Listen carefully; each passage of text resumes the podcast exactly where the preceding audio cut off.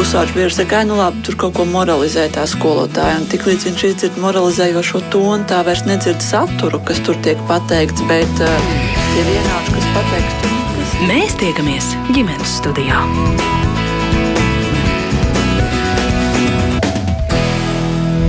Labdien! Ekonomiskās sadarbības un attīstības organizācijas dati rāda, ka Latvijā 35% pusauģu regulāri saskars ar ņirgāšanos, un Latvija šajā rādītājā ieņem pirmo vietu Eiropas Savienībā. Ņirgāšanās rezultātā pieaug psihiskās un fiziskās veselības riski, samazinās pusauģu pašvērtējums un spēja kādam uzticēties, kā arī pasliktinās mācības sniegums un tālākās dzīves panākumi. To akcentē Veselības ministrijas uzsāktās informatīvās kampaņas ieskaties acīs, ņirgāšanās nav smieklīgi iniciatori. Vārdi sāpina, klusums nogalina. Šis savukārt ir biedrības taureņa efekts kampaņas moto, un tās mērķis ir sniegt psihoterapeita atbalstu skolas vecuma bērniem, kur cieši no emocionālām problēmām, tostarp mobbinga un citām. Savukārt, lai aktualizētu iekļaušanās tēmu un nosvērtu tieši pirmo iekļaušanās soli sasveicināšanos, šobrīd MOT kopā ar Pusauģu resursu centru rīko kampaņu Drosme sasveicināties. Vai kampaņas palīdz uzlabot gaisotni skolās un skolēni tajās jūtas aizvien labāk, to es mērķis notiņa, pārunāšu ar Tukuma Raiņa valsts ģimnāzijas direktori Sigitu Kūlu. Labdien! Labdien! Pie mums studijā arī motrenere, arī sociālai pedagoģi Anna Zaula. Labdien! Labdien. Un pat tālrunī biedrības taureņa efekts līdz dibinātāja un valdes locekle Olga Kazāka. Labdien! Labdien, arī jums. labdien. Jā, Olga, vispirms vēršos pie jums. Tātad kampaņa vārdi sāpina, klusums nogalina. Es jau mazliet izskicēju, uh, varbūt uh, jūs dažos vārdos tomēr precīzāk par šīs kampaņas mērķi. Mhm. Mēs saprotam, ka šobrīd eh, tieši jautājums par jauniešu skolēnu mentālo veselību ir arvien aktuālāks, arvien svarīgāks. Un mēs redzam, ka ir svarīgi ne tikai par to runāt, bet arī mēģināt kaut ko darīt lietas labā. Līdz ar to šīs mūsu kampaņas um, svarīgs uh, akcents ir saistīts ar to, ka mēs uh, vāksim ziedojumus Un par šiem ziedojumiem mēs nodrošināsim jauniešiem psihoterapeitu konsultācijas. Tas būs tāds um, konsultāciju pakete, uh, kur būs septiņi, septiņas reizes, septiņas tikšanās, no kurām divas ir ar vecākiem, piecas ir, uh, kad bērns jaunietis strādā pats ar psihoterapeitu. Un tad attiecīgi mēs ceram, ka tas būs tāds labs uh, labs uh, minimums, teiksim tā, ar kuru ģimene var sākt risināt uh, šo, šos jautājumus, šīs, šos izaicinājumus, jo, protams, mēs redzam, ka pēdējie pāris gadi gan ar pandēmiju, gan ar karu tepat mums blakus ļoti, ļoti ietekmē jauniešu mentālo veselību, un, un tad attiecīgi šis ir tāds mūsu, mūsu atbildi, mūsu reakcija uz šīm aktualitātēm. Jūs jau esat izziņojuši šo kampaņu un gaidāt arī sabiedrības iesaistīšanos. Ir jau kādi rezultāti, cilvēki atbalsta un tic, ka tas patiešām ir svarīgi cilvēki redz, un, un, un tiešām mēs redzam pēc, pēc reakcijas, ka cilvēki um, uzskata, ka tas ir svarīgi, un mēs redzam, ka gan viedokļu kampaņai, gan arī piesakās, uh, jo mūsu mājaslapā www.tauriņa.lv var gan atbalstīt uh, kampaņu, gan arī pieteikties šīm konsultācijām, un um, es varbūt arī precizēšu par to, kas tie, um, ar ko mēs pašā sākumā strādāsim. Mēs ceram, ka ar laiku mēs pateicoties ziedojumiem iespējams varēsim arī paplašināt šīs bērnu grupas, bet šobrīd mēs konsultējoties ar psihoterapeitiem, esam sapratuši, ka tās grupas, kurām vissteidzīgāk, visnepieciešamāk ir šī palīdzība būtu bērni, kas ir no daudzbērnu ģimenēm, bērni, kas ir no nepilnām ģimenēm, kur audzina tikai viens no vecākiem, un bērni, kas ir adaptēti vai aizbildniecībām, tad viņiem attiecīgi arī šis, šis mūsu piedāvājums pirmām kārtām tiek izteikts. Tātad biedrība tauriņa efekts uzskata, ka jārīkojas, ne tikai jārunā. Es atgādinu, tad veselības ministrija vairāk runā par šo informēšanu, gan sabiedrības informēšanu, gan arī pedagoģu informēšanu, arī attiecīgu materiālu piedāvāšanu visiem ieinteresētajiem, kas tad ir šis mobbings, kas ir tā ņirgāšanās, ko tā nodara skolēnam, un lūk arī te atgādinājums tādā reklāmas rullītī, kas tas ir no kampaņas veidotājiem skolotāju puses. Nirgāšanās ir, ja tavs bērns pēc skolas izmainās un ieraujas sevī. Nirgāšanās ir, ja bērns klusi sauc pēc palīdzības, bet neviens to nesadzird. Nirgāšanās ir, ja tavs bērns sabrūk un neviens nepalīdz. Māmu, tēti, ieskaties acīs savam bērnam, runā, noskaidro, kas viņu nomāca un palīdz to atrisināt. No ņirgāšanās cieš visi. Mēs varam to izbeigt. Nirgāšanās nav smieklīga. Tas tiešām nav smieklīgi, par to mēs arī noteikti pārliecināsimies šīs sarunas gaitā, bet uh, mot. Mot arī aicina uz kādu kampaņu. Šoreiz saka, ka jauniešiem biežāk jāsaka čau. Uh, kāpēc? Nu, sasveicināšanās tas ir sākums. Ir mirklī, kad mēs ar kādu sasveicinamies, tad var sākt arī sarunu. Tā mirklī, kad mēs kādu ignorējam, ejam viņam garām vai izliekamies, ka mēs viņu neredzam, tad arī saruna nenotiek. Attiecīgi, mot, jā, mot strādā uz to, lai, lai mums nebūtu jārunā par ņirgāšanos. Lai mums būtu stipri jaunieši, kur iekļauj ikvienu, lai viņi redz, ka viņu klasēs ir tādi jaunieši, ar kuriem viņi nekad nav runājuši. Un, attiecīgi, moti iedrošina sasveicināties ar tiem, ar kuriem tu varbūt ikdienā nesveicinies. Un, uh, man liekas, ka mazi bērni ir lielisks piemērs tam. Mēs paši esam redzējuši vairākus video, kur iet bērni un saka, hai, hai, ar visiem sveicinās. Un šie bērni arī saka, labdien, kungs, labdien, kungs. Un man liekas, ka tā ir lieta, ko mēs varētu pieaugušie pamācīties un, uh, un, un radīt drosmi pateikt čau kādam, kurš vienkārši stāv malām. Un es domāju, ka tas arī ir tas mērķis uh, šai akcijai konkrēti. Um, nu, kaut kādā ziņā mēs esam atgriežušies no pandēmijas un uh, esam pieraduši nesveicināties kaut kādu laiku, jo mēs vienkārši pieslēdzamies ar kameru skolēni, un tur jau mēs neslēdzam katram, nesakam čau, čau, čau. Nu, tad šis ir veids, droši vien, kā iedrošināt. Jā. Mhm. Eh, Raiņa, Tukuma Raiņa valsts gimnāzijas direktorei jautājums pamanat, ka ir dažādas šīs problēmas skolās, kuras ir jārisina? Jā, šobrīd pēc pandēmijas ir gana atšķirīgs laiks. Un ikdienas skolā šobrīd un uh, kādu laiciņu atpakaļ tiešām ir atšķirīga. Jā, pamanām. Uh, nu, šobrīd es gribu teikt, ka nu, jau mēs esam uh, klātienes skolā kādu laiku, un mēs tiešām strādājam ar šīm te dažne dažādām mm, lietām, ar kurām saskaramies ikdienā, ar emocionālo inteligenci, bērni, pieaugušie. Un šodien ir milzīga nepieciešamība runāt par to, kā katrs jūtamies un kas otram ugursomā, jo mēs nekad nezinām, kāda ir diena sākusies katram, kurš mums nāk pretim. Un, protams, ka bērniem jo īpaši, nu, ja mēs domājam, kāpēc bērni dara viens otram pāri, nu, pēc būtības, ja mēs iedziļinamies tajā. Nu, man gribas teikt, ne aiz laba prāta bērni dara pāri viens otram. Tā ir tāda sava veida cīņa par kaut ko. Un, ja mēs pieaugušie saprastu, tad mēs arī varētu palīdzēt. Uh, šobrīd tā palīdzība, manuprāt, ir uh, nepieciešama ļoti, ļoti. Vai mēs pilnīgi visiem varam sniegt palīdzību? Nu, tas būtu lieliski, bet būsim reāli. Šķiet, ka nē. Bet kas ir tas grūtākais?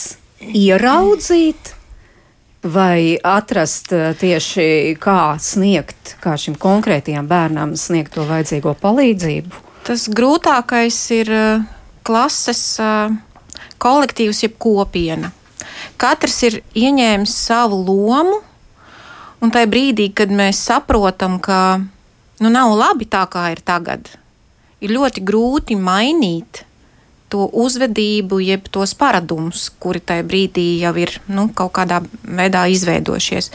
Jo, ja mēs runājam par tādu mobbingu, tad es gribu teikt, ka sākotnēji tas noteikti ir tāds klusais mobbings, kuru pieaugušie nepamana.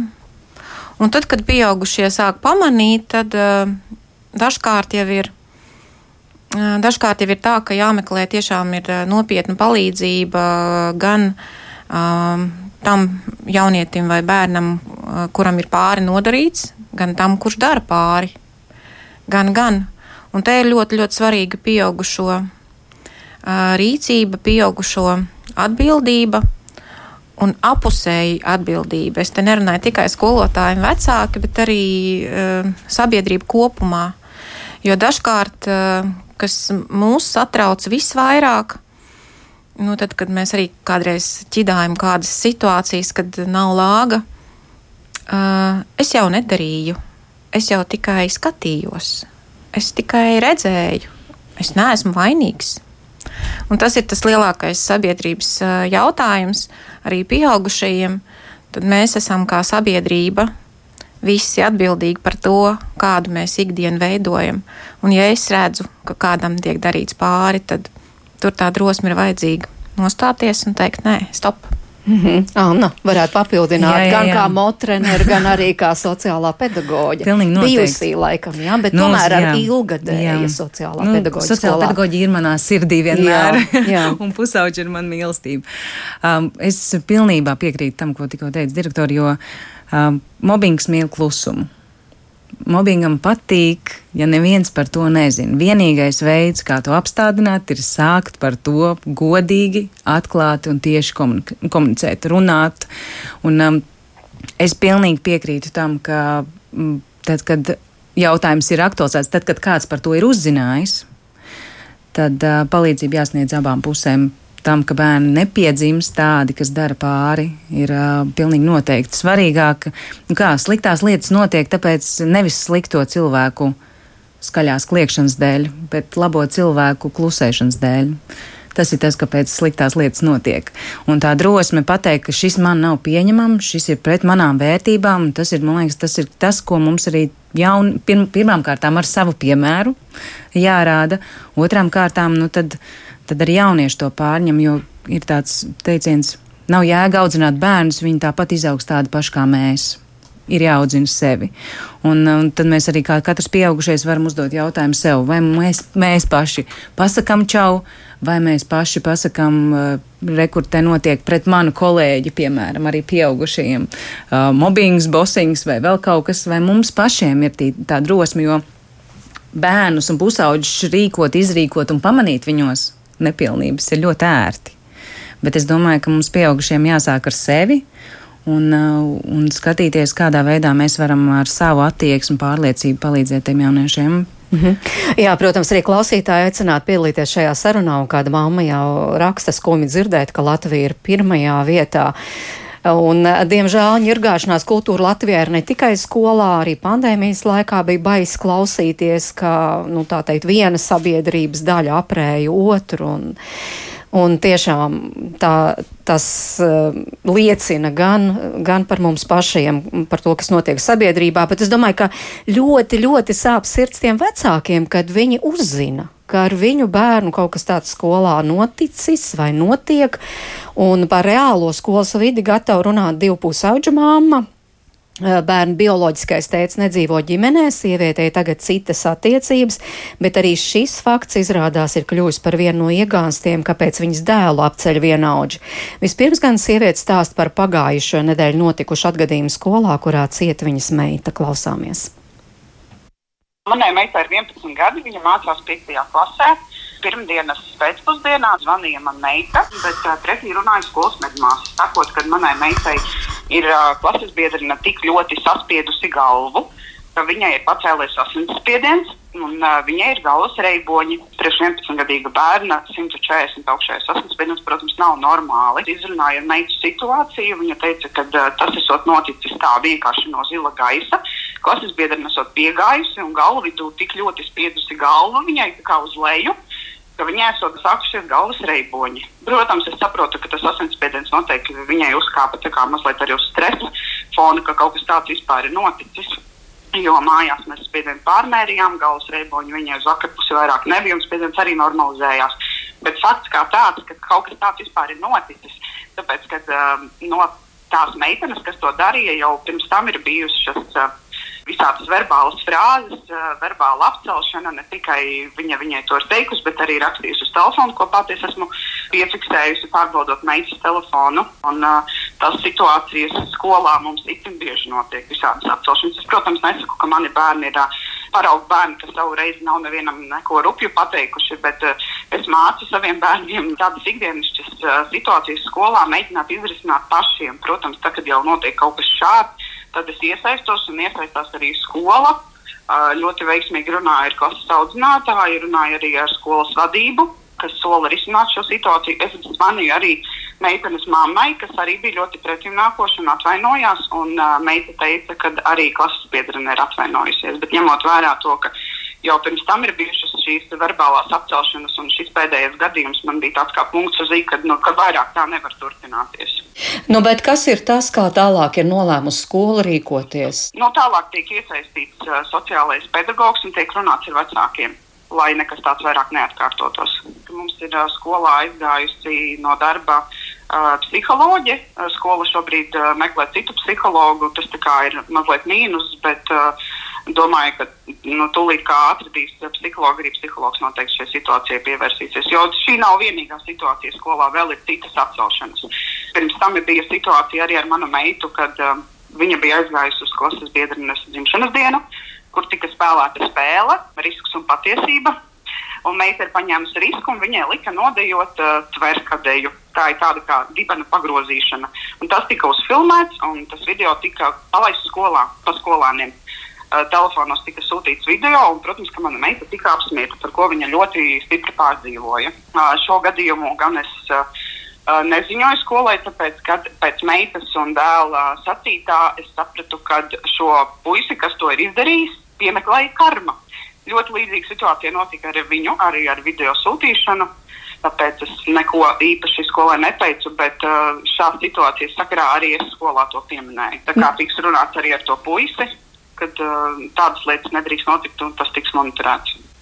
Nu, kā jūs vispār pati redzat, kā varētu tomēr izmainīt uh, to gaisotni skolā, lai šādu situāciju vai nu vispār nebūtu, vai nu tiešām būtu daudz mazāk nekā līdz šim? Godīgi sakot, es nezinu, kā to izmainīt. Šajos laikos man liekas, ka uh, bērniem ir tāda visatļautība un uh, netiek uh, sodīti bērni. Nu, protams, neviens arī nav jāsoda. Ir ļoti jāpieslēdzas gan psihologam, gan noteikti arī ģimenēs. Varbūt uh, individuāli bērni ir jāved pie psihologa, tāpēc ka tas, kas notiek skolā, nav normāli.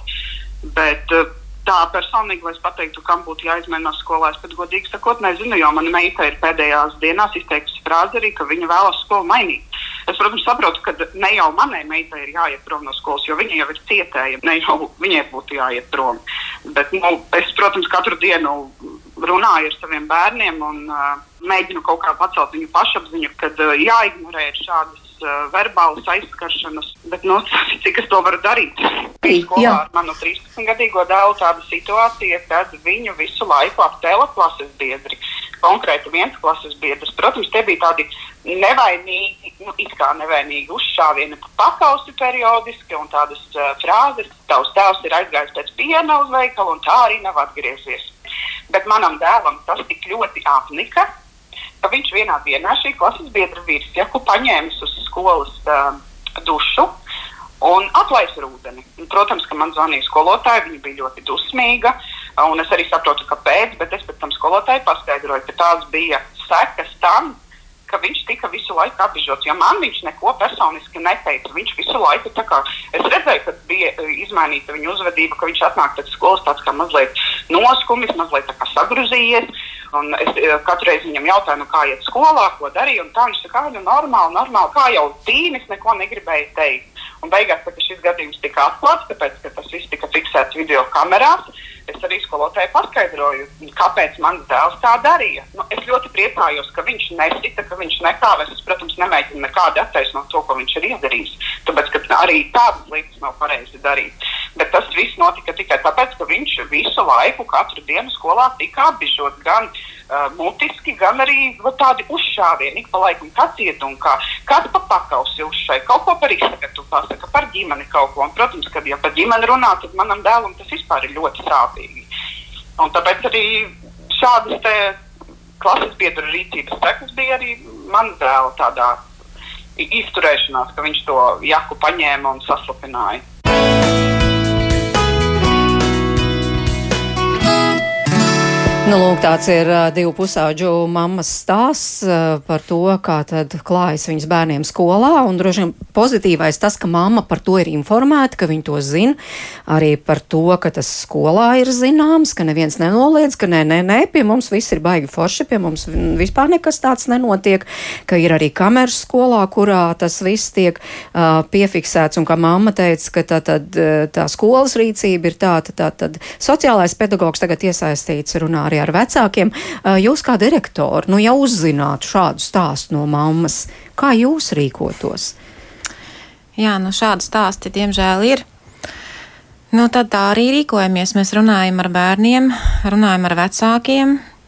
Um, sociālais pedagogs runā, un jā, nu, tas, ko mēs vecākiem arī iesakām, psihologu konsultācijas. Un, uh, Eh, es priecājos par sabiedrības attieksmi, jo, nu, redziet, kādus pāris gadus atpakaļ, ja mēs runājam par to, ka ir nepieciešama psihologa eh, konsultācija vai, vai saruna, tad bija ļoti lielākoties diezgan negatīva šāda te, nu, nē, taču ar manu bērnu viss ir kārtībā, ko jūs, nu, nevajadzētu. Bet šobrīd tiešām eh, šādās situācijās mums izdodas vecākus pārliecināt par to, ka Um, bērniem ir nepieciešami jauni uzvedības uh, paradumi, jauna izpratne par to, kas un kā ir noticis.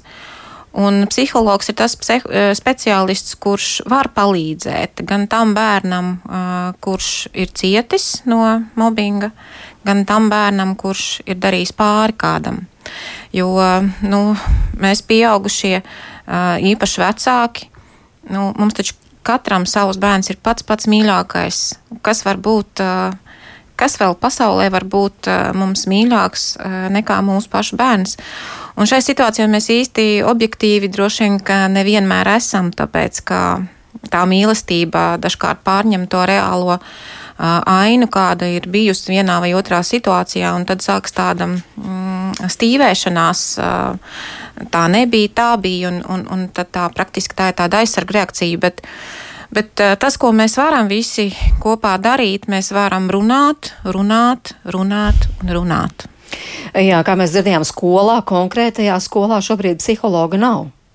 Sociālais pedagogs ir, jā. var būt tikpat palīdzošs. Nu, Sociālajam pedagogam noteikti ir cits virziens, kurā viņš strādā. Viņš nesniedz psiholoģisko palīdzību, respektīvi, ja ir notikusi trauma, kāda nu, šajā gadījumā mobbings, tad viņš noteikti nebūs atbilstošākā persona, kurai vajadzētu šo risināt.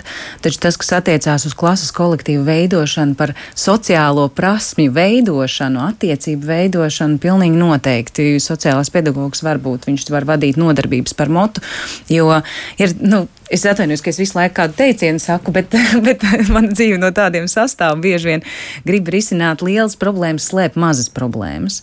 Un, un, tā, un, un viens no veidiem ir. Tā, jauniešos veidot izpratni, kas ir tas, ko viņi dara. Jo, ja mums nav par kaut ko izpratni, tad tas dara ar mums kaut ko. Savukārt, tajā mirklī, kad mums veidojas par to izpratni, tad mēs ar to varam kaut ko darīt. Šajā gadījumā es neesmu pārliecināta, ka tie jaunieši, kuri jau ilgstošu laika periodu bija darījuši pāri, sākumā meitenei un puisim, ka viņi Viņi zināja, ka viņi dara slikti, bet es neesmu pārliecināta, ka viņi saprata, kāpēc viņi tā dara. Reizēm tas ir bara instinkts, reizēm uh, daļa stāv un skatās, un viņiem šķiet, nu es taču uz aizmuguri neskatījos, es, es nezinu, kas tur notika, bet viņi ir klases kolektīvs. Un tādā ziņā, man liekas, klases kolektīvam ir uh, nenormāli liela nozīme to, vai viņi redz to klases kolektīvu kā vienu veselumu, vai viņi redz, ka tur ir uh, klases biedri, kuriem es varu uzticēties, tāpēc ka īsnībā pateikt, ka man kāds dzer pāri, ir nenormāli smagi. Tā gan ir arī mūsu vecāka atbildība, kādā veidā mēs mēģinam uh, noskaidrot, kā mūsu bērniem klājās. Nu, es savā mājā izmantoju metodi uh, dienas labais un sliktais notikums. Katru vakaru sarunāju ar katru bērnu atsevišķi, kāds bija dienas labais notikums un kāds bija dienas sliktais notikums. Un uh, arī es pati, un mēs ar, mēs ar vīru arī paši sakam šos labos, sliktos notikumus. Un tas ir veids, kā laikus pamanīt, ka kaut kas iet greizi. Jo arī mans bērns, protams, piedzīvoja kaut kādu epizodi, viņš bija pirmajā klasē, laikam tajā mirklī, kad kāds lielāks puika viņu pagru, iegrūž it kā klasē iekšā. Un es to nebūtu uzzinājis. Tā ir sīka, maza nianse. Bet visas šīs situācijas sākas no kaut kādas pirmās situācijas. Un es uzskatu, mana pārliecība ir, ka ir jārisina mazas problēmas. Īsnībā katra šī situācija, tā mirklī, ja man ir iespēja pārunāt, nu, ka es pati nemetos uzreiz uz skolu, bet es sazinos ar klases audzinātāju un es saku, bija tāda situācija. Mans puika gāja pa priekšu, trešklasnieks viņu tur iegrūda klasē, vai man šobrīd kaut kā būtu jārisina šis jautājums. Klases audzinātājs saka, nē, es zinu, kurš tas ir, es parunāšu. Tā ir tā lieta, vajag skaļi par to runāt, vajag, nu, jo katra mazā noklusētā lieta, viņa no kaut kā sākusies ir. Viņa, viņa ar kaut ko sākus, un, un tad, kad eh, nu, jūs arī pieteicāt šo pieredzi stāstu, nu, ka tur jūs minējāt, ka tam, tas bērns tika izvēlēts, nu, ka viņu apcēla kaut kādu iemeslu dēļ. Mobbingam nav neviena iemesla, dēļ, kāpēc viņi kaut kāda konkrēta iemesla, kāpēc kādu sāk apcelt. Mhm. Mobbingu apceļ tāpēc, ka viņam ir zaļas acis, zilas acis, gari mati, īsi mati. Tam nav nozīmes. Viņš trāpījās tur, kur viņš trāpījās, un jautājums, kāpēc? Jā, bet mums arī klausītājs Gunters jautā, ja jau bērni piedzimst, nu, kā viņš raksta pēdiņās, tīri un balti, tad no kurien šāds ļaunums rodas viņos? Kā jūs to pamatotu? Es domāju, ka mēs pieaugušie iemācām. Tā ir man, nu, es varu kļūdīties. Es ne, ne, kā, neņemos apgalvot pilnīgi patiesību, bet man pārliecība, ka mēs pieaugušie to iemācām viņiem, diemžēl. Jā, jā. jā, skatos uz direktoru Sigitu. jā, man šķiet, ka nu, tā ir tā sabiedrība, mēs paši vecāki. Protams, ka katram ir varbūt savs varbūt, temperaments, reaģē ātrāk, lēnāk, tas ir kas cits. Uh, bet uh, mēs varam iemācīties uh, reaģēt uz lietām nu, no vērtību izpratnes, ja? bet vai varam, varam arī, nu, nu, pieaugušie, manuprāt, ir tie, kas, kas rāda, kā lietas uh, tiek kārtotas un ko mēs paši runājam, skatoties televīziju par piemēru, mājās runājot par dienas notikumiem, par notikumiem sabiedrībā kopumā un kādā veidā mēs to darām. Vai mēs paši smējam, apceļam, vai mēs uh, diskutējam cieņpilni. Un, uh, nu, bērni jau kā mazi sūklīši visu redz un dzird daudz vērīgāk nekā mēs pieaugušie. Olga Kazāka, ko jūs te gribētu piemetināt? Es šajā gadījumā taisni klausoties arī um, dzirdu to, ko mēs esam runājuši daudz arī ar psihoterapeitiem, uh, plānojot mūsu kampaņu, uh, ka daudzas, daudzi jautājumi tieši nāk no ģimenes, un tieši tāpēc mums arī uh, paredzēts, ka um, tad, kad tās konsultācijas notiks, tad tās divas, kas būs pirmā, uh, un tad uh, nu, šī, šī, šo konsultāciju ietverot noslēdzošā konsultācija būs ar ģimeni, tieši tāpēc, ka tiešām uh, speciālisti redz, ka bērni ļoti daudz uh, spoguļo vecākus, ļoti daudz uh, seko līdzi viņu reakcijai, un pat, kad viņi varbūt kaut ko nesaka, bet streso paši, un tagad mums ir daudz iemeslu vecākiem stresot, uh, un, un, un ar jauniešiem mēs varbūt ne līdz galam visu izrunājam, tad viņi tā savu interpretē. Un uh, tas, tas tālāk arī uh, aiziet arī līdz skolai un tad uh, izpaužās tādās, tādās reakcijās. Tad, to, protams, ir ļoti svarīgi strādāt, uh, strādāt ar pašiem, strādāt ar ģimeni un ļoti svarīgi, lai ar šo risināt, ar šo situāciju arī strādātu uh, speciālisti, kas, uh, kam ir um, izglītība atbilstoša, kas var tiešām arī palīdzēt un atrisināt. Sapzīt, arī māma minēja, ka būtu labi, ka šādās situācijās sevišķi tie pāri darītāji un tie, kuriem pāri dara, vēl saņemtu tiešām papildus tādu palīdzību. Līdz šim tā mūsu valstī ir pa maksu, un tāpēc acīm redzot arī tas jūsu kampaņas mērķis, ka jūs, jā, protams, pusauģu resursu centrs ir bezmaksas palīdzība, bet tur mēs zinām, tur ir divu, trīs mēnešu garās rindas, bet tāpēc arī jūs tā kā redzat, ka šo iesaisti, nu tad mēs palīdzam, mēs palīdzam, nu nodrošināt, lai arī tie, kuri nevar izstāvēt tās garās rindas, tomēr ātrāk tiktu pēc palīdzības? Nu, vismaz mēģināsim kaut kā arī šo, šo nišu tā teikt aizpildīt, bet es arī uh, piekrītu tam, ka uh, Man ir patiesībā liels prieks, ka šodien mēs runājam, ka mūsu kampaņa ir viena no, jo, jo vairāk mēs par to runāsim, domāsim un arī katrs strādāsim ar sevi individuāli, jo labāk būs. Un man šķiet, ka mm, ir svarīgi arī runāt, arī izglītot, arī um, runāt par tām pazīmēm un, un informatīvām kampaņām arī ir liela nozīme. Mēs redzam, ka mēs nākotnē arī plānojam uh, psihoterapeitu arī lekcijas, uh, uh, kur, kuras būs pieejamas uh, bez maksas uh, skolotājiem, pasniedzējiem, uh, vecākiem, pašiem jauniešiem, bērniem, uh, jo, protams, uh, mēs apzināmies arī, ka ne visi uh, ne visi būs gatavi arī pieteikties. Mēs redzam, ka Latvijā joprojām ir arī tāda stigmatizācija attiecībā uz mentālās veselības uh, jautājumiem, ka, nu, kamēr uh, mēs neuzskatam, ka mums ir kaut kāda super liela problēma, tad mēs pēc palīdzības nevērsīsimies. Un uh, varbūt cilvēki uzskata, ka nu, tad, tad, tad tur jābūt tiešām psihiski slimam, lai tev sniegtu palīdzību ārsts, bet patiesībā um, nu, tas, tas ir tāds jau, kā mēs rūpējamies par mūsu fizisko veselību, tāpat arī par mentālo veselību, uh, nav kauns. Un uh, te, te ir ļoti interesanta um, nianse, ka mēs redzam, ka jaunieši šodien diezgan uh, mm, nu, mūsdienīgi, var teikt, skatās uz šo jautājumu vārdu salikumu mentāla veselība. Viņi daudzi pazīst un tad ir gatavi arī par to domāt, ar to strādāt, bet uh, jautājums, kur viņi meklē to palīdzību informāciju, un viņi daudzi meklē to informāciju sociālajos tīklos pie tādiem pseido speciālistiem. Uh, un atkal vecākai paudzē mēdz būt uh, nu, kauns vai, vai tās stigmas attiecībā uz to, lai meklētu to, to palīdzību kaut gan viņi varbūt drīzāk būtu gatavi vērsties pie speciālistiem. Tāpēc mēs no vienas puses gribam aicināt nekautrēties un nav tādas um, situācijas, ka būtu nepareizi, ja jūs jūtat, ka jums vajag to palīdzību, tad piesakiet. Un otrām kārtām, ja jūs paši vēlaties meklēt to palīdzību, tad tiešām labāk pie speciālistiem ar medicīnisku izglītību, psiho, psihoterapeitiem, mm -hmm. kuri, kuri tiešām mm, saprot, ko viņi dara, tā vienkārši sakot. Jā, es atgādinu mūsu klausītājiem, tātad šodien ģimenes studijā Tukumā Raiņa valsts ģimnāzijas direktora Sigita Kūla, motrenera, arī sociālā pedagoģa Anna Zaula un biedrības taureņa efekts līdzdibinātāja arī valdes locekla Olga Kazāka. Un, kā jau dzirdējāt raidījuma pieteikumā, tātad daudz dažādas kampaņas šobrīd Latvijā, kuras tā vai citādi mēģina risināt uh, skolēnu mentālās veselības jautājumus, un tas patiešām ir ļoti nepieciešams. Par to arī saruna ar pusauģu resursu centra Jālgavas filiāles psiholoģi Santu Daņiļčenko. Centrā viņa strādā no decembra. Pirms tam 20 gadus bijusi psiholoģi skolā, un Santa stāsta, ka skolās mobbings pastāvējis vienmēr, taču tagad tas vairāk redzams, jo bērni par to runā. Un viņa arī raksturo biežākās situācijas, kad kāds tiek apcelts vai pazemots.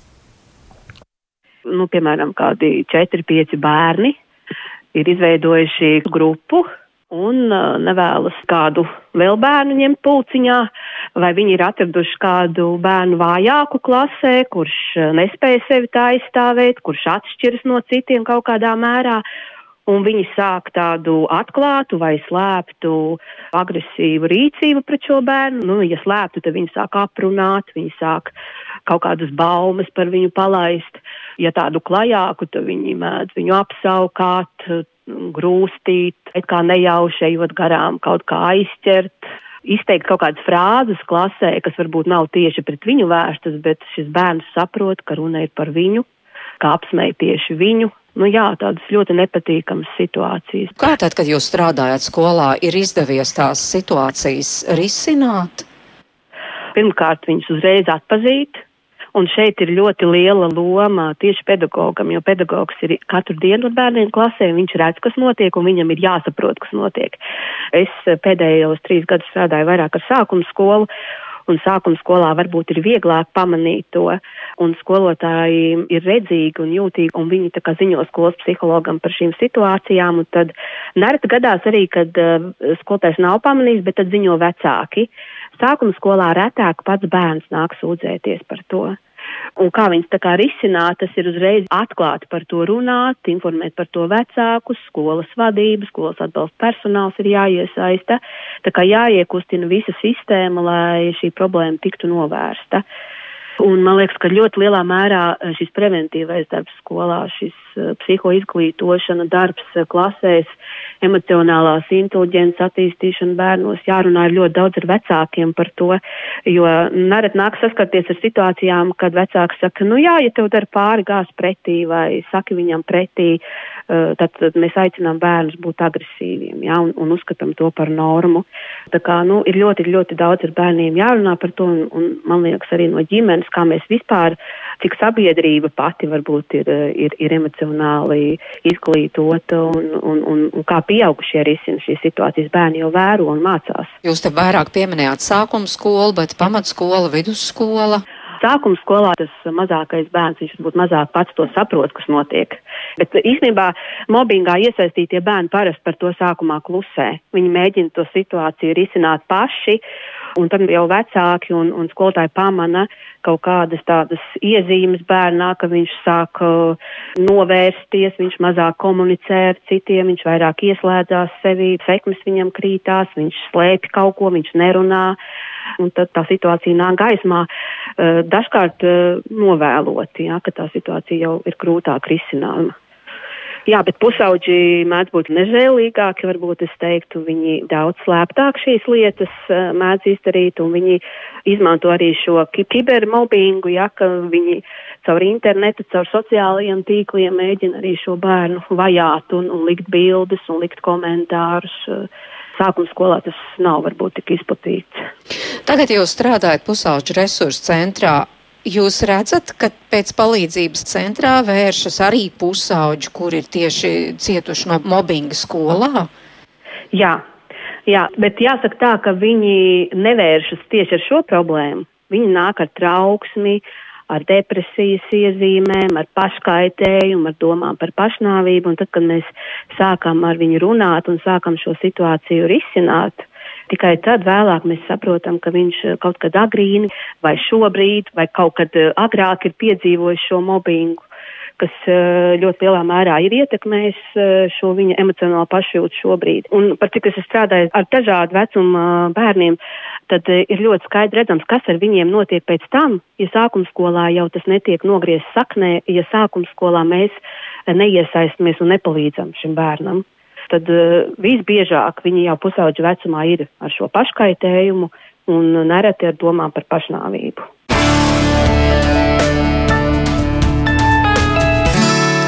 Tā bija pusauģa resursu centra Jālgaus filiāls psiholoģa Santa Daņļčenko. Tātad stāstīja gan par savu skolas psiholoģijas pieredzi, gan arī tagad centrā strādājot. Un jāatgādina tiešām Latvijas jauniešu pašnāvības skaits ir viens no augstākajiem Eiropas Savienībā. Un tas pat tiešām ir satraucoši un iespējams kaut kādā mērā, kā mēs dzirdējām, arī saistīts ar to situāciju, kāda ir skolās. Anna. Tas nevienmēr saistīts ar situāciju skolās. Sāksim ar to. Vienmēr, protams. tas nevienmēr, bet uh, noteikti tas var būt kā, kā kaut kāds mirklis, kas var pamudināt. Protams, ja, jo kas ir svarīgi, lai jaunietim, bērnam, jaunietim, lai viņam ir vismaz viena vide, kurā viņš jūtas ērti, kurā viņš jūtas droši, kurā viņš jūtas saprasts, pieņemts. Um, ideālā variantā, ja tā pamatā ir ģimene, ģimenes ir dažādas, ģimenēs vecāki ir ļoti dažādi, ar dažādu izglītību, ar dažādu savu personīgo pieredzi arī. Un tādā ziņā skola var būt um, pateicīga vieta, kur veidot uh, vietu, kur viņam ir vismaz kāds. Jo nu, cerēt, ka klasē būs kolektīvs, kurš, kurš pilnīgi visi ar visiem draudzēsies, nu, tā ir utopija, tā, tā no realitātes tāds nenotiek. Taču man, man pārliecība ir, ka skolā ir labi, ja tam jaunietim ir vismaz viens draugs, ar ko viņš draudzējās, kurš viņu saprot, kurš viņu. Un tad viņi ir tādi, nu, es domāju, ka cik piekritīs, ir klasēs, nu, tādi viens, divi, viņi kopā turās. Viņi turās, viņiem ir ļoti labi vienam ar otru. Droši. Viņi jūtās droši viens ar otru. Un man liekas, ka nu, tādā ziņā motu nodarbības viņas eh, nav akcīveidīgas. Viņas ir trīs gadu programma īstenībā, 12 nodarbības, kur ar viņiem iet cauri visām šīm situācijām, kur patiesībā ar tās programmas palīdzību viņiem piedāvā piedzīvot situācijas drošā vidē, kas mēdz būt arī tādas provokatīvas un aizskarošas par baumām, par aizskaršanu, par komentāru likšanu. Īstenībā visas lietas, kuras jūs minējāt šeit, viņas tiek apskatītas. Mm -hmm. par vērtībām, par čau pateikšanu, par palīdzības lūgšanu un, un, teikšanu, un robežu noteikšanu. Viss tas tiek apskatīts motu programmā, un tas, kas notiek tur, mēs piedāvājam viņiem drošā, kontrolētā vidē piedzīvot šīs situācijas, uh, lai tad, ja viņi notiek, no, nonāk līdzīgā situācijā reālā dzīvē, viņi var pieņemt apzinātākus lēmumus. Jo mēs īstenībā nevaram ietekmēt, kādu lēmumu viņš pieņems. Un, nav, manuprāt, nav pareizi vai nepareizi lēmumu. Ir tāds lēmums, ko viņš tajā mirklī var pieņemt. Man liekas, ir svarīgi, lai tas lēmums ir apzināts, ka viņš saprot, ko viņš dara. Un bieži vien ar to, ka viņš saprot, ko viņš dara, nu, es šajā gadījumā par mobbingu veicēju, tas ir viens no veidiem, kā apstādināt sevi. Un man liekas, ka psihologs, tas, ko minēja arī, ka mainījusies attieksme pret psihologiem, tā ir tā kā dvēseles higiēnists. Nu, tu ej pie zoba higiēnista, tu ej arī īstenībā pie dvēseles higiēnista, tā mirklī, kad saproti, ka pats šobrīd netiec ar to galā. Un man ļoti, man ļoti priecē tas fakts, ka, nu, ka cilvēki neuzskata, ka tas ir nu, trako padarīšana. Es pat arī pie psihologa, nu, mm -hmm. man tas palīdz. Jā, nu klausītā Linda tikai te piebilst, kā ar psihologu, psihoterapeitu pieejamību, viss ir garas rindas, no laukiem nav tik viegli nokļūt pilsētās, pie tam regulāri uzskata, ka skolas psihologs nav tik spējīgs risināt visas situācijas, un arī viņš ir noslogots. Kā ar pieejamību? Jā, nu es piekritīšu, ka skolas psihologs ir noslogots, bet um, kā kurā pašvaldībā ir arī pašvaldībā um, atbalsta komanda, kur uh, sniedz uh, atbalstu tais situācijās, kad uh, tiešām skolas psihologs ir noslogots un, kā tikko minējāt, ir garas rindas, tad ir iespējams arī pašvaldības psihologu izmantot. Nu, vismaz mūsu pašvaldībā tā ir. Un es domāju, ka galvenais ir vēlme meklēt palīdzību. Un es īsti nepiekritīšu tam, ka šobrīd uh, par bērniem, par skolas vecumu bērniem, ir jāmeklē Mm, palīdzību par maksu, es domāju, ka var atrast arī eh, ļoti kvalitatīvu bezmaksas palīdzību, un, un tomēr tā ir sakārtot, nu, vismaz, manuprāt, mūsu pašvaldībā, jā. Uh, Mm -hmm. Jā, klausītājs Gunters ir daudz piemēru, kur labvēlīgās pēdiņās ģimenēs ir antisociāli bērnu un otrādi, un tas liecina, ka problēma ir daudz dziļāk par ģimenes vainošanu un atbildības uzlikšanu. Ģimene māca, bet bērnu pusē ir atbildība atbildīgi rīkoties, un īsā atbilde ir iedzimtais grēks un tam līdzīgi. Jā, jā par to gan mēs neiedziļināsimies, bet par to, ka arī labvēlīgās Protams, neviens nav pasargāts. Tas neviens nav pasargāts. Protams, runa jau ir par nu, sociālām, nu, par sociālu komunikāciju. Tas par ir lomām, par, par to, kāda ir. Kādi ir bijuši tie veiksmes vai neveiksmes stāsti, kā ar, jo katrs, mm. katrs bērns grib būt labs.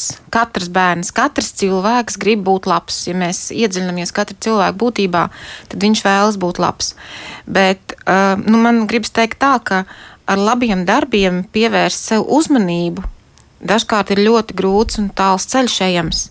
Un tāpēc uh, skolas uh, vecuma bērniem visātrākais veids, kā iegūt uzmanību un tādā ziņā varbūt arī kaut kādu uh, klases biedru uzmanību un atsaucību, atbalstu, ir šī negatīvā uzmanība.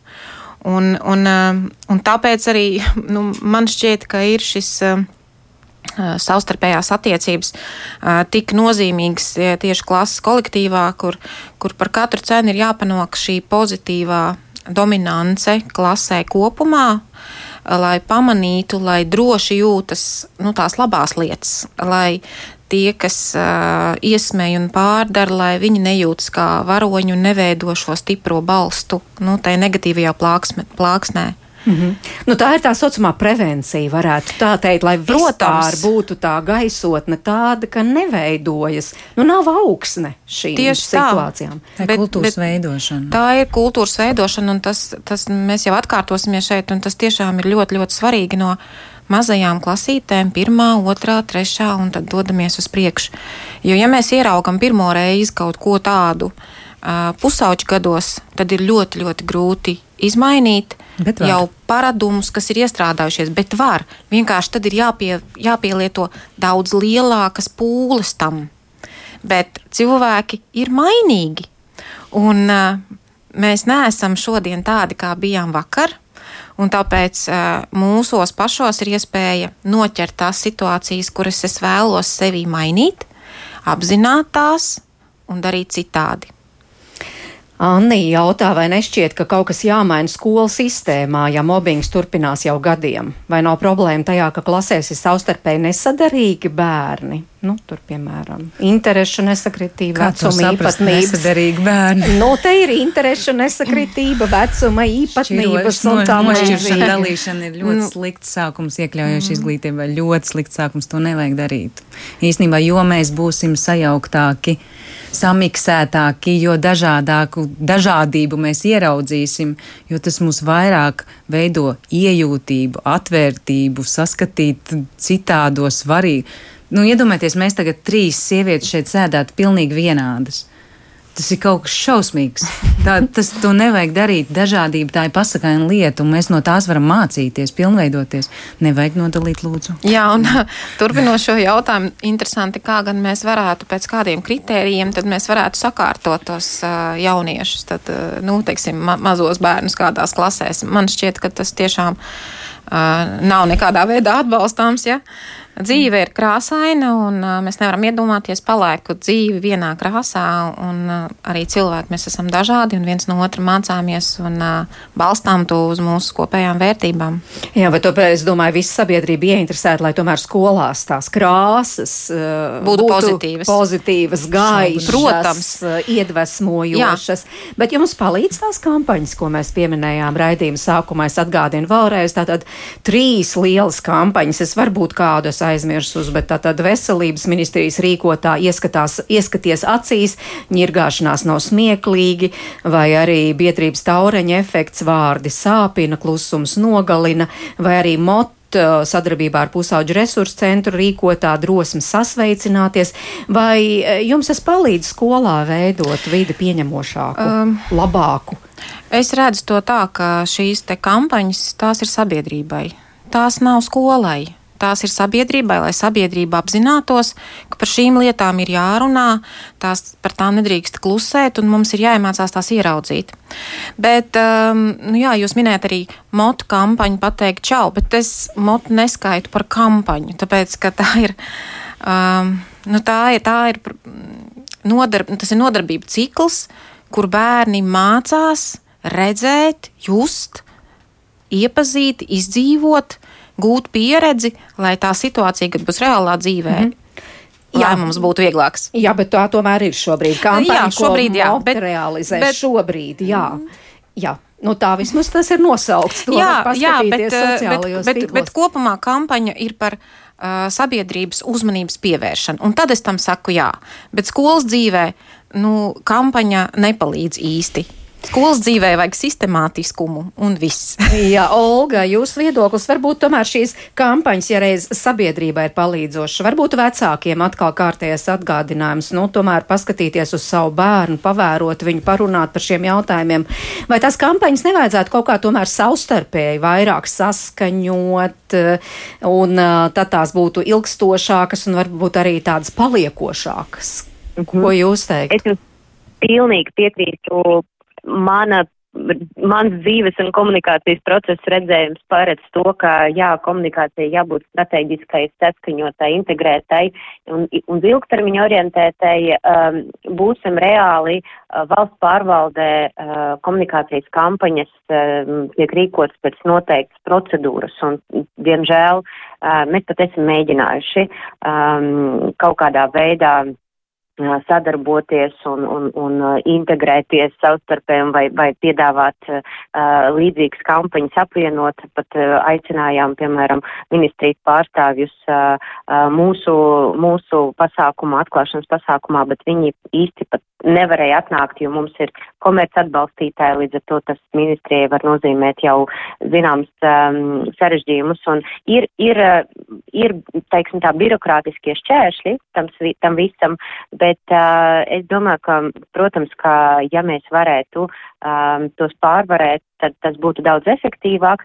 Mēs atkal savā uh, biedrībā redzam, ka šī mūsu, uh, mēs gan to saucam par kampaņu, bet mēs arī to neuzskatām par tādu īstermiņa stāstu vai, vai kampaņu, kuru mēs paredzam, ka tagad ir kaut kāds konkrēts termiņš, kad mēs to beigsim. Jo tāpat kā ar citām mūsu citiem projektiem, mēs šobrīd esam iesākuši un mēs turpināsim tik tālu, cik mēs varēsim būt noderīgi. Uh, un, un mēs ceram, ka tad, protams, šodien izskanēja tāds retorisks jautājums, vai visiem varam palīdzēt. Diemžēl, protams, nē, bet nu, centīsimies, cik nu varam, pēc iespējas uh, lielākam cilvēku skaitam uh, nodrošināt to, to, to atbalstu, to palīdzību, kas ir nepieciešams. Un es uzskatu, ka uh, tomēr tās kampaņas ir vajadzīgas, arī, arī informēšanas, arī izglītošanas kampaņas ir ļoti svarīgas, jo tās tiešām ienes šo tēmu mūsu dienas kārtībā un dod mums arī kaut kādas receptes, un tas arī veido to kultūru, to, to, to atmosfēru, par kuru mēs runājam, um, to um, mēs parādām arī akcentējam arī tā, teiksim, tā sociāli atbalstāmu, sociāli neatbalstāmu rīcību. Tas ir svarīgi. Jā, Anna, jums galvārds jā, īsi. īsi. Jā, īsi par to, ka man šķiet, tas nav nemaz tik slikti, ka akcijas ir dažādas, jo Katrai akcijai ir sava mērķa auditorija. Mērķis ir viens - īstenībā uzlabot sabiedrības dzīves kvalitāti un mentālo veselību. Vienā vai otrā veidā, un man liekas, ka ir labi, ja viņas ir tomēr dažādas, jo vienu uzrunās meita, citu māte, citu kleitu un vēl kaut kas. Un kat, man liekas, ka katrai auditorijai atrodas tā sava pieeja. Man liekas, ir labi, ka viņas tomēr nav visas centralizētas vienādas un kā, pēc viena standarta veidotas. Paldies par šo sarunu. Es saku Sigitai Kūlai, Annai Zaulai un Olgai Kazākai. Paldies tiešām, ka atradāt laiku, atnācāt šeit pie mums uz ģimenes studiju. Paldies arī klausītājiem, ka klausījāties raidījuma producente Ilze Zvaigzne. Eh, Rīta Karnača pie skaņu pulces, Mērķis Notiņa pie mikrofona. Tiekamies rīt 5 eh, minūtes pār diviem kā vienmēr, un rītdien gaidot mācas dienu, kas starp citu nedēļas nogalē jau risināsies, sarunāsimies par to, kādi ir mammu šī brīža lielākie izaicinājumi un kādi iedvesmas un spēka brīži. Tiekamies un visu labu!